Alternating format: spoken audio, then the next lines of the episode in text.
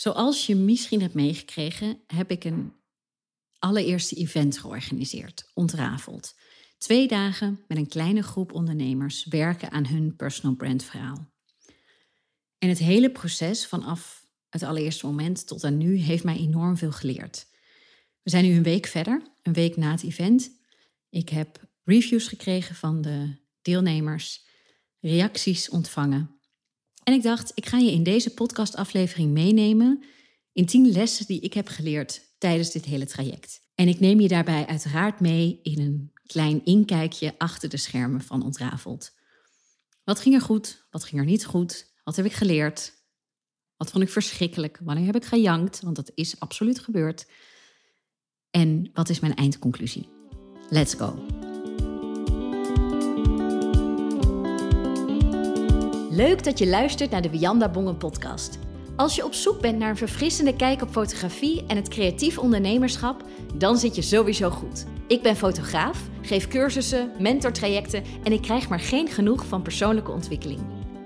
Hier deel ik flarden uit mijn leven, mijn soms wat uitgesproken visie op fotografie en mijn leerweg als creatief ondernemer.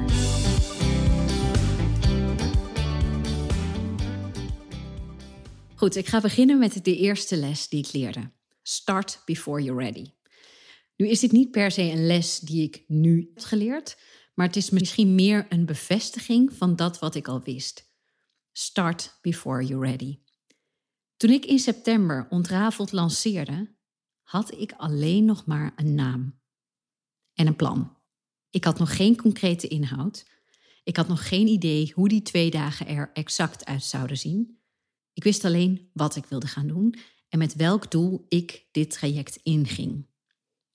En ik dacht, ik ga eerst gewoon maar eens kijken of er überhaupt animo voor is. Want ik kan wel alles gaan opzetten, een hele gelikte landingspagina maken, mezelf helemaal verliezen in alle details.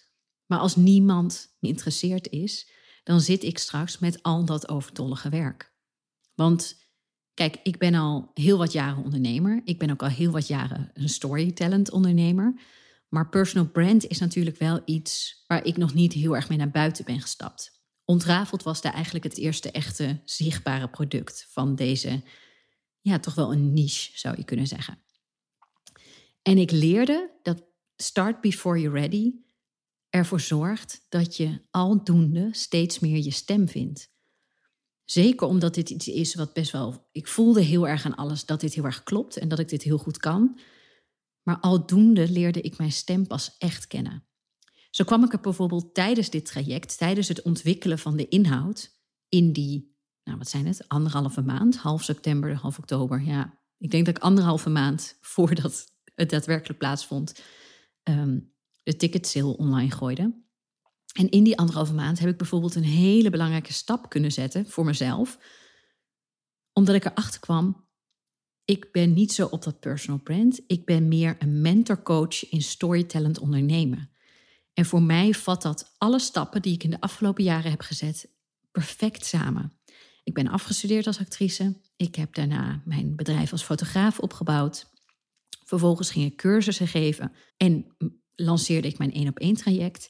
En inmiddels is mijn traject en alles wat ik doe echt verweven met elkaar in storytellend ondernemen. Daar ligt mijn grote kracht. Dat is dus de eerste les die ik leerde. Ga het gewoon doen. En als je merkt dat er animo is, wat in mijn geval dus zo was, dan kan je vervolgstappen gaan zetten. Dan kan je de inhoud concreet gaan maken. En dan kom je er dus ook achter dat bepaalde keuzes die jij in eerste instantie maakte, niet passen bij wat je uiteindelijk het doel gaat zijn. Ik lanceerde bijvoorbeeld, en toen had ik een ticket sale openstaan, volgens mij voor 14 personen. Misschien meer zelfs nog. Ik weet dat ik het er zelfs met, met iemand over heb gehad, dat ik zei, misschien ga ik hem nog wel verhogen naar 20 personen. En ik ben zo ongelooflijk blij dat ik dat niet heb gedaan. Gedurende de verkoop online, gedurende het delen over wat de inhoud zou gaan worden, wat ik van plan was te doen, merkte ik steeds meer dat ik vast begon te zitten op dat aantal, dat het te veel voelde. En uiteindelijk heb ik het aantal dus ook naar beneden bijgeschroefd. Het aantal achteraf gezien was echt perfect. Ik was zo blij dat het niet een grotere groep is geweest. En mijn zusje heeft zelfs nog gevraagd: ja, dat naar beneden bijstellen van, van die deelnemers. Was dat een marketingtruc? Want je deed het wel heel authentiek, maar Was dat een slimme zet? Of nee, dit was wel echt gewoon vanuit mijn gevoel. Ik denk dat het marketingtechnisch niet per se heel interessant was of heel slim. Maar dit was niet als verkooppraatje bedoeld. Dit was echt gewoon vanuit dat ik merkte: oh nee, weet je, je ja, je probeert wat en je, zet ergens op in. En ik had eerst meer het idee echt van een event. Maar hoe meer ik bezig was met de inhoud, dat ik dacht: nee, het wordt echt meer een training. En best wel een intieme en persoonlijke training. Dat met een groep van 20 mensen of 14, 15 mensen, dat is echt te veel. Dus uiteindelijk was dit aantal, denk ik, echt helemaal perfect. Maar uh, dat wist ik natuurlijk niet. Ja, dat had ik niet kunnen weten als ik niet gewoon was begonnen. Dus dat is mijn eerste les. De tweede is uitbesteden is investeren. En om maar vast met de deur in huis te vallen, dit eerste event, of in elk geval in mijn geval, was het organiseren van een eerste event absoluut geen vetpot. Ik heb sowieso wat tegenslagen gehad, waardoor de kosten hoger uitvielen, maar ook heel veel geïnvesteerd. Ik geloof heel erg, en daar heb ik rondom de investeringen die ik dus heb gedaan voor dit event ook heel erg rekening mee gehouden. Dat is dat de beleving het halve werk is. Dus mijn inhoud had nog zo goed kunnen zijn. Ik denk echt dat als de beleving niet klopte bij de realiteit of bij de inhoud, dat dan het algehele plaatje echt middelmatig wordt. En zoals jullie weten, ik ga niet voor middelmatigheid. Ik heb het echt ervaren zelf tijdens een workshop. Ik had een uh, ticket geboekt voor een workshop in Seattle, in, in uh, Amerika. Daar heb ik dus een vliegticket voor moeten kopen, dat ticket zelf. En dat was dus een week lang volgens mij, ergens in een national park, uh, zoveel kilometer rijden van Seattle. En die locatie was heel mooi, daar lag het echt niet aan. Je zit in zo'n, in zo'n national park en nou, dat is allemaal fantastisch. Maar voor de rest was het echt verschrikkelijk slecht geregeld. Er werd niet naar ons omgekeken. De, de mensen die het organiseerden en die de cursus gaven, sliepen ergens anders. Daar gingen ze dan ook s'avonds heen. En, maar voor ons was er eigenlijk... Ja, we aten, je had van die dozen, echt zo Amerikaans, van die dozen met mac and cheese. Nou, dat kregen we eigenlijk avond aan avond. Het was niet te eten. En geloof me, na een week mac and cheese ben je er echt wel klaar mee. Zeker uit zo'n kant-en-klare verpakking. Er was geen fruit, er was geen groente, er, was, er waren geen lekkere tussendoortjes, er was heel weinig drinken. En je merkte binnen de groep dat het ongenoegen eerst met de dag groeide, maar uiteindelijk bijna per uur. Er waren echt mensen die waren er zo klaar mee, die waren zo boos. En de inhoud, er waren verschillende sprekers, die deden heel erg hun best. Want die voelden natuurlijk ook dat er iets niet klopte. En zij zijn ook maar gewoon ingehuurd om daar te spreken. Maar doordat de algehele beleving niet oké was, boeide de inhoud niet meer. Dat stond, ehm, ja, het was niet meer een evenwicht. En dus kreeg het ongenoegen de overhand. En als ik nu ook terugdenk aan die workshop, het was echt fantastisch. Ik heb hele leuke mensen ontmoet. Maar we hebben het zelf fantastisch gemaakt. We hebben het niet, daar zorgde de leiding niet voor. En dat, uh, dat heb ik echt in mijn achterhoofd geknoopt voor als ik dit ooit zelf ga doen. Je wil gewoon vertroeteld worden. Je wil gewoon goed behandeld worden. Zo had ik bijvoorbeeld een in eerste instantie locatie, die werd gecanceld best wel last minute. Dus ik heb echt heel Airbnb uitgespeeld zoek naar een nieuwe locatie. Ik heb zoveel locaties gebeld, zoveel offertes gekregen. Niet normaal, maar niets kon echt voldoen aan wat ik in mijn hoofd had. En uiteindelijk had ik twee locaties die beide wel kloppend waren en ook allebei konden. Met een prijsverschil van 1000 euro. En dat is best veel geld voor een event waar je al niet heel veel geld aan overhoudt. En uiteindelijk heb ik dus wel voor die dure locatie gekozen, omdat die voor mijn gevoel echt klopte bij wat ik wilde neerzetten, bij de sfeer die ik, uh, ja, die ik belangrijk vond. Dan is nog een grappig verhaal, want ik had dat online gezet en met dat foto's dat ik een nieuwe locatie had gevonden na de canceling van de vorige. Krijg ik een reactie van een meisje die zegt: Hé, dat is het huis van mijn vader. Wat grappig. Nou, dat is echt zo'n Ma-Flodderhuis. En ik dacht bij mezelf: Ma-Flodderhuis? Wat heb ik nou geboekt? Ik wil helemaal geen Ma-Flodderhuis. Oh, en dan voel je dat zo in je onderbuik dat je denkt: Oh, wat kut dit. Ik, oh, dit, dit is niet de bedoeling. Waar heb ik nu in geïnvesteerd? En uiteindelijk, gelukkig, bleek dat heel erg mee te vallen. En uh, zei ze meer van: het was, Wij hebben daar vroeger gewoond en het was echt een zoete inval. Maar het is een hele fijne plek op de Veluwe. Je gaat het daar echt naar je zin hebben. En dat is ook helemaal goed gekomen. Het was echt een tophuis. Hele fijne kamers, een grote keuken, een grote leefruimte waar we met z'n allen konden zitten, fijne banken om te chillen. En ook liep zo de Veluwe op. Dus ja, het was gewoon echt een topplekje. Dus dat was voor mij de investering van die extra duizend euro meer dan waard. Ik hou dan zelf duizend euro minder over aan het einde van de streep.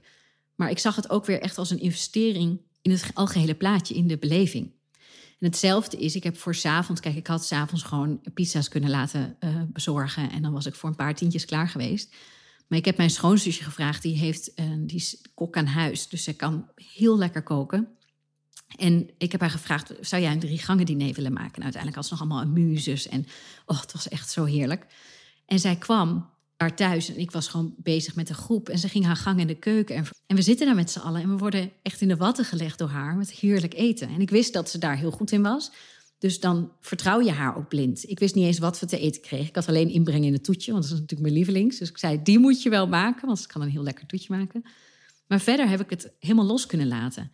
En dat is zo'n fijn gevoel. Dat is ook weer dat uitbesteden is weer investeren. Want doordat ik haar daar neer had gezet op die positie, kon ik mijn aandacht gewoon bij de deelnemers hebben en bij waar we toen waren. En we hoefden niet druk te zijn met al die randzaken.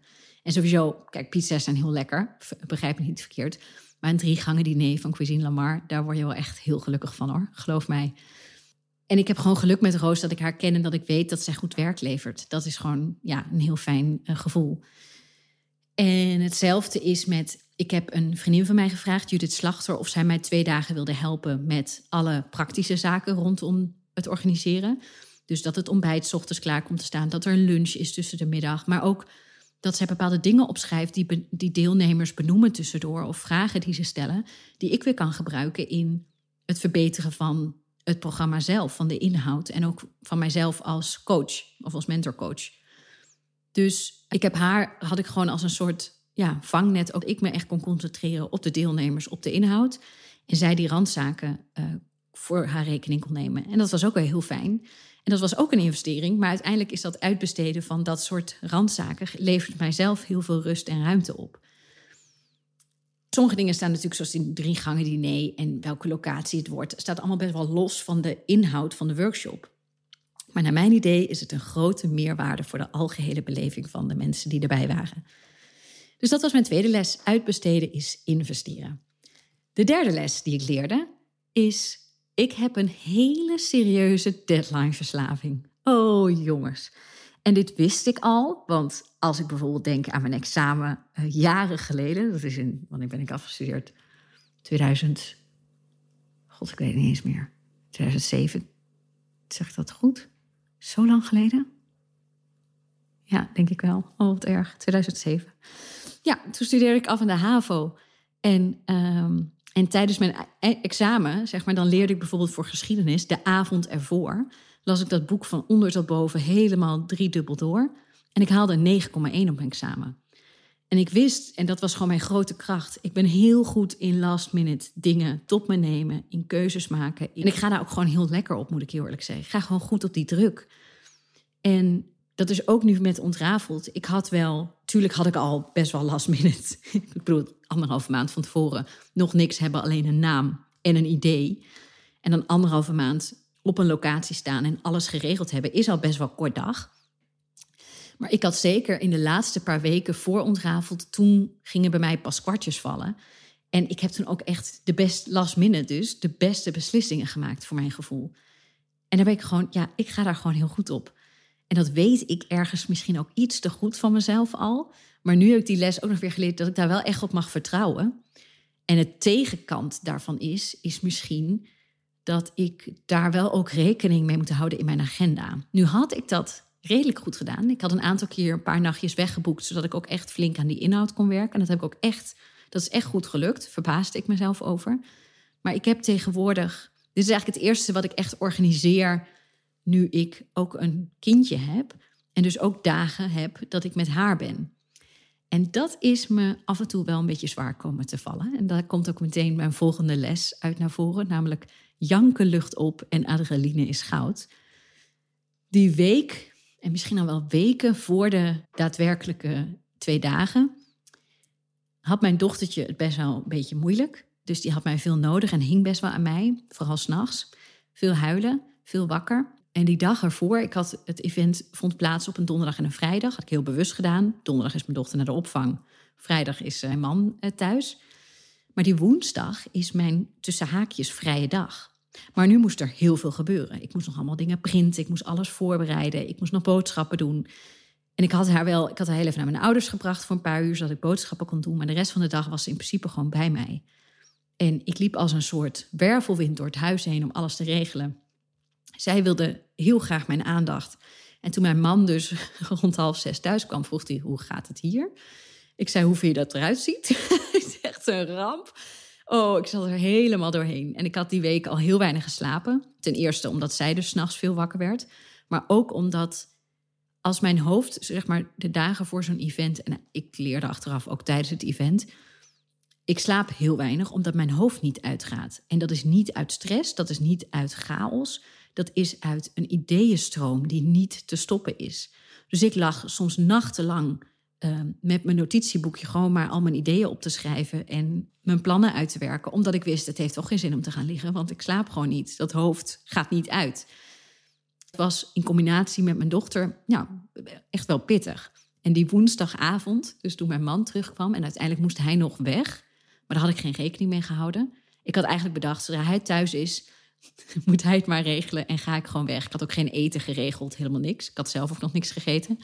Maar dat liep even anders, want hij had nog een afspraak staan en dan moest hij wisselen van auto. En dan als hij mijn dochter mee moest nemen, moest hij het wisselen van kinderzitje. Nou, gedoe. Dus ik moest thuis blijven tot hij terugkwam. En ik zat daar dus uiteindelijk met mijn dochter op de bank naar Kikker en zijn vriendjes te kijken.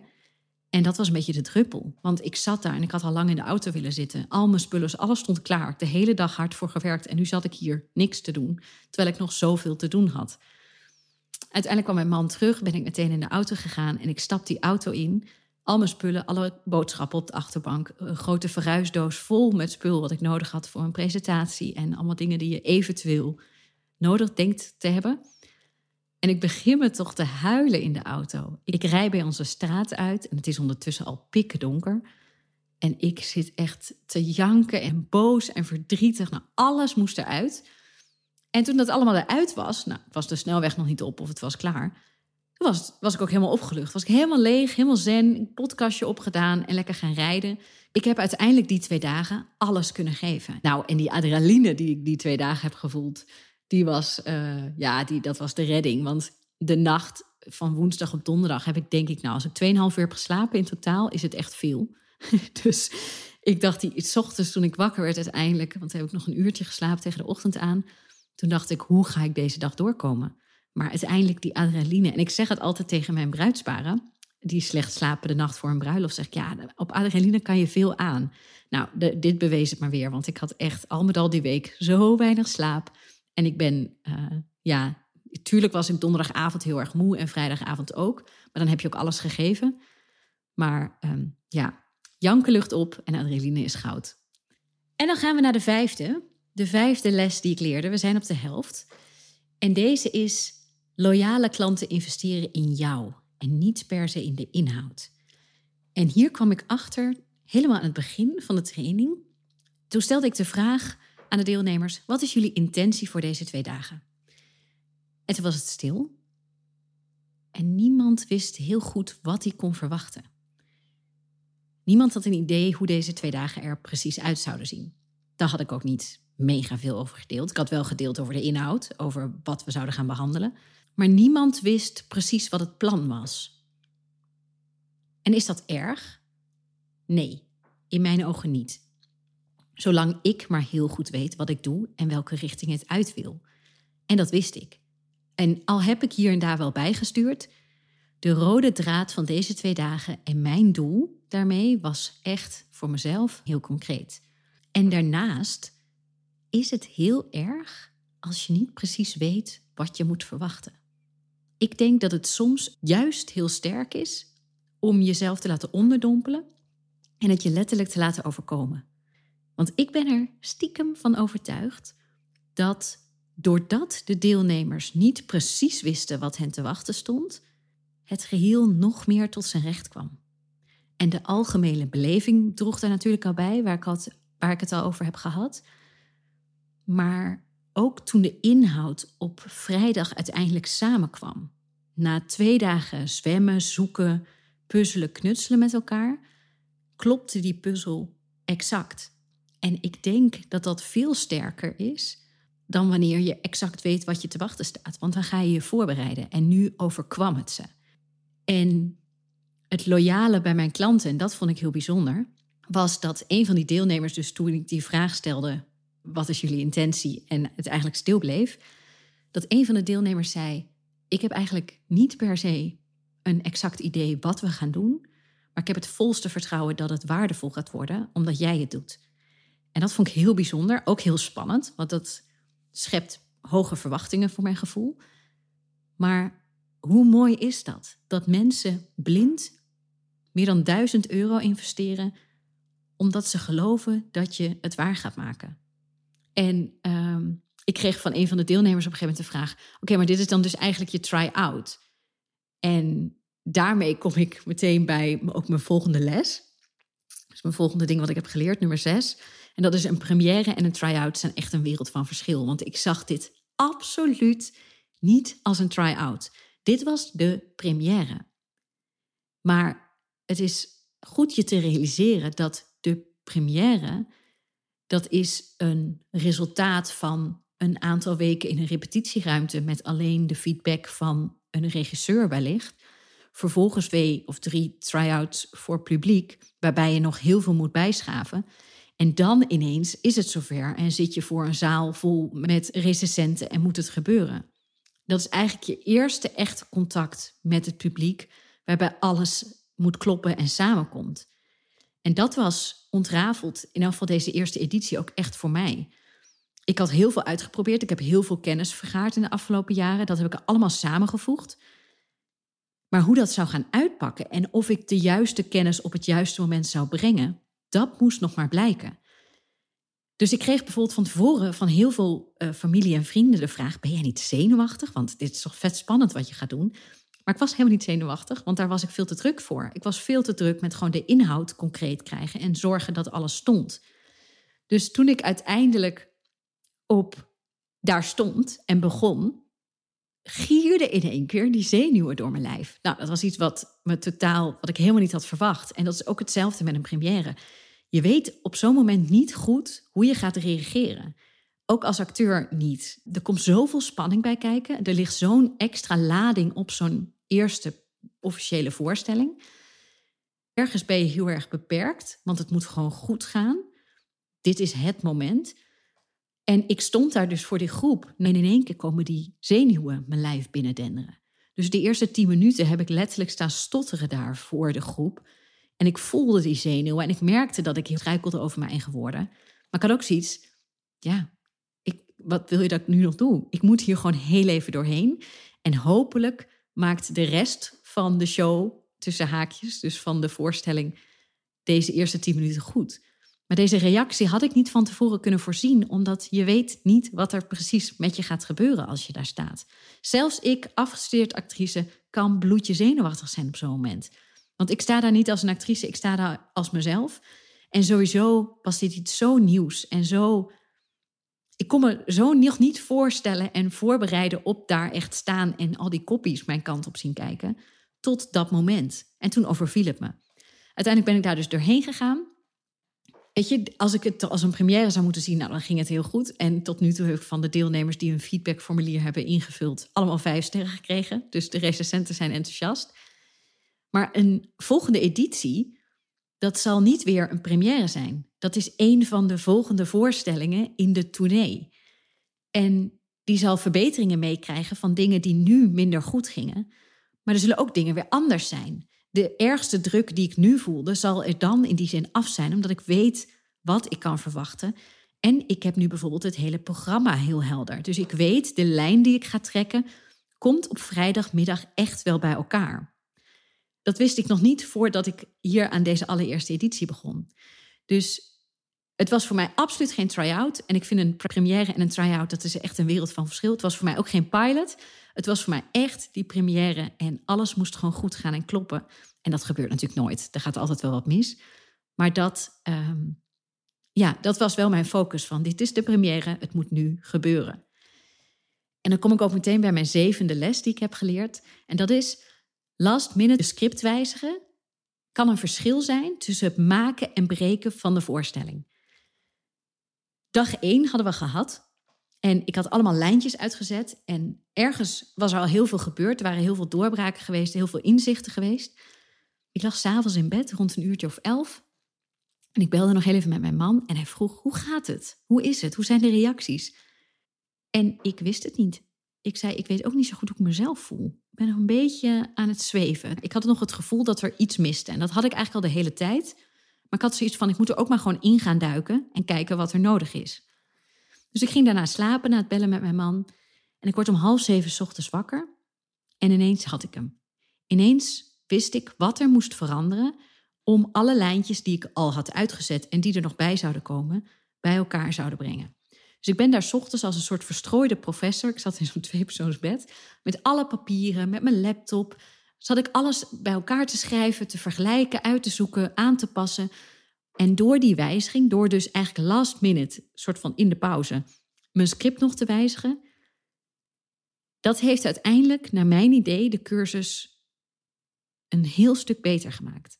En ik zeg niet dat de eerste versie van het script niet goed was, maar deze wijzigingen die ik voelde dat nodig waren, in elk geval voor deze groep, misschien is het de volgende keer wel heel anders, hebben er wel voor gezorgd dat de cirkel op, om vijf uur vrijdagmiddag echt rond was. Dat het echt ja, samenkwam en dat mensen heel concreet met een duidelijke basis naar huis konden.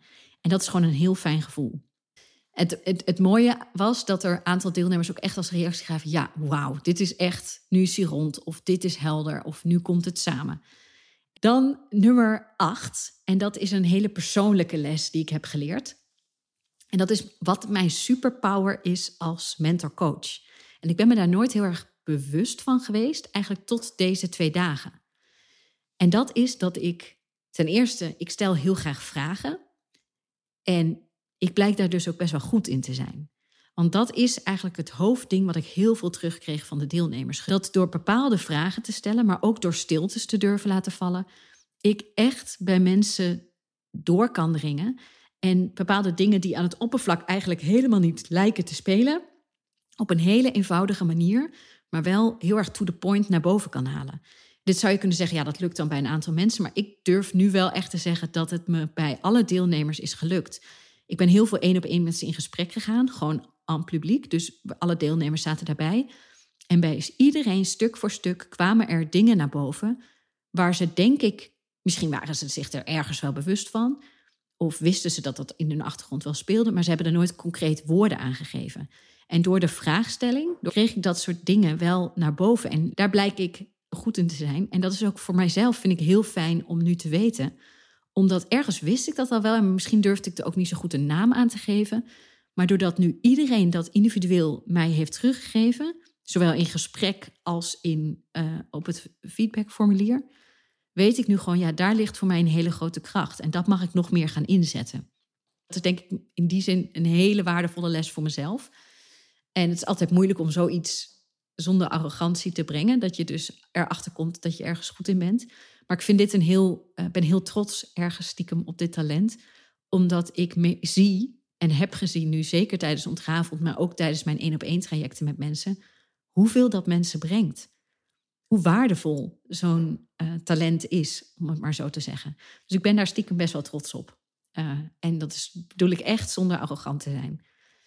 Dan mijn negende les, uh, die ik leerde, is start en eindig altijd met taart. Nou, dat is misschien een hele random les. Maar ik had het van tevoren al in mijn hoofd. Ik dacht, de start moet goed zijn. En zeker met een nieuwe groep. Ik ben zelf niet heel goed met nieuwe groepen. Als ik ergens binnenkom, vind ik het al snel heel ongemakkelijk. En oh, dan moet je mensen leren kennen. En ik ken niemand. En zitten ze op mij te wachten. En ik dacht, taart is een heel mooi verbindmiddel. En ik had zoveel taart gehaald dat we uiteindelijk ook als einde nog lekker met z'n allen taart gingen eten. Met een biertje erbij, of een wijntje, of een, of een frisje en nog even nakletsen. Het voelde voor mij echt, was ik heel blij omdat ik dat gevoel had gevolgd. Ik ben echt dol op taart. Maar ehm, ja, je hebt het met elkaar te doen die paar dagen. En het is heel fijn om dat op zo'n manier te beginnen. Dus absoluut een tip. Neem hem zeker mee. En dan tot slot. Dit is echt. Oh jongens, wat baal ik hiervan. Neem nooit een podcast op zonder concreet doel. Oh, ik kan mezelf wel voor mijn kop slaan. Ik heb namelijk in de villa de avond nadat ontrafeld klaar was, dus die vrijdagavond na alle hectiek, een mega podcast opgenomen van bijna een uur. En ik, ik, ik zat in dat, in, in dat lege huis aan die grote tafel. Ik dacht, oh, dit is tof. Dit is, gaat zo inspirerend zijn. Ik zit nu nog helemaal in die adrenaline van ontrafeld. En ja, dit is zo'n leuk inkijkje in hoe die twee dagen zijn geweest. Maar ik was niet echt. Ik had niet een concreet doel wat ik ermee wilde. Behalve dat ik dacht, is een leuk, document voor degenen die er zijn geweest. Maar misschien is het ook een leuk behind the scenes voor de mensen die er niet waren. En vooral voor mezelf ook een heel mooi document om te hebben. Maar ik heb hem dus naar mijn editor gestuurd. En ik kreeg hem terug. En toen zei hij, ja, ik denk dat het vooral leuk is voor de mensen die erbij waren. En ik begon met luisteren. En ik dacht echt na tien minuten, dit is saai. Oh, dit is zo saai. Dacht, dit wil ik echt niet online zetten. Dit is niet leuk. En tuurlijk zaten er bepaalde stukjes in die heel tof waren. Of waar je de energie echt voelde. Maar nee, het was echt... Het was vooral inhoudelijk en, en feitelijk. En gewoon droge korst. Ik ging gewoon van stap voor stap mee in hoe die hele twee dagen gingen. dacht ik, ja, dit, dit ga ik jullie niet aandoen. Dus uiteindelijk heb ik dus last van het hele plan nog weer omgegooid. En dacht ik, ik ga gewoon kijken, wat heb ik ervan geleerd? En wat kan ik jou meegeven? Dat is een veel fijner doel om vanuit te werken. En deze voelt ook meteen, nou ja, ik hoop dat het ook zo is. Maar ik hoop dat je hier wat aan hebt. Dat je wat hebt aan deze lessen. Dan was dit hem voor nu. Ik hoop dat je wat aan deze aflevering hebt gehad. Dat je het leuk vond om een soort kijkje achter de schermen te krijgen. En tegelijkertijd te horen welke lessen ik heb geleerd. Dit hele project ontrafeld was volledig buiten mijn comfortzone. Ik heb hier echt heel veel aan gehad. Het heeft mij als mens, als mentorcoach en als ondernemer enorm doen groeien. En ik, ik kan niet wachten op een volgende editie, hoe die er dan ook uit zou komen te zien. Dat zou voorlopig niet zijn, maar je weet hoe ik in elkaar zit. Eh, er komt vanzelf iets nieuws. Heel erg bedankt voor het luisteren, bedankt voor je aandacht. En ik hoop natuurlijk weer tot de volgende.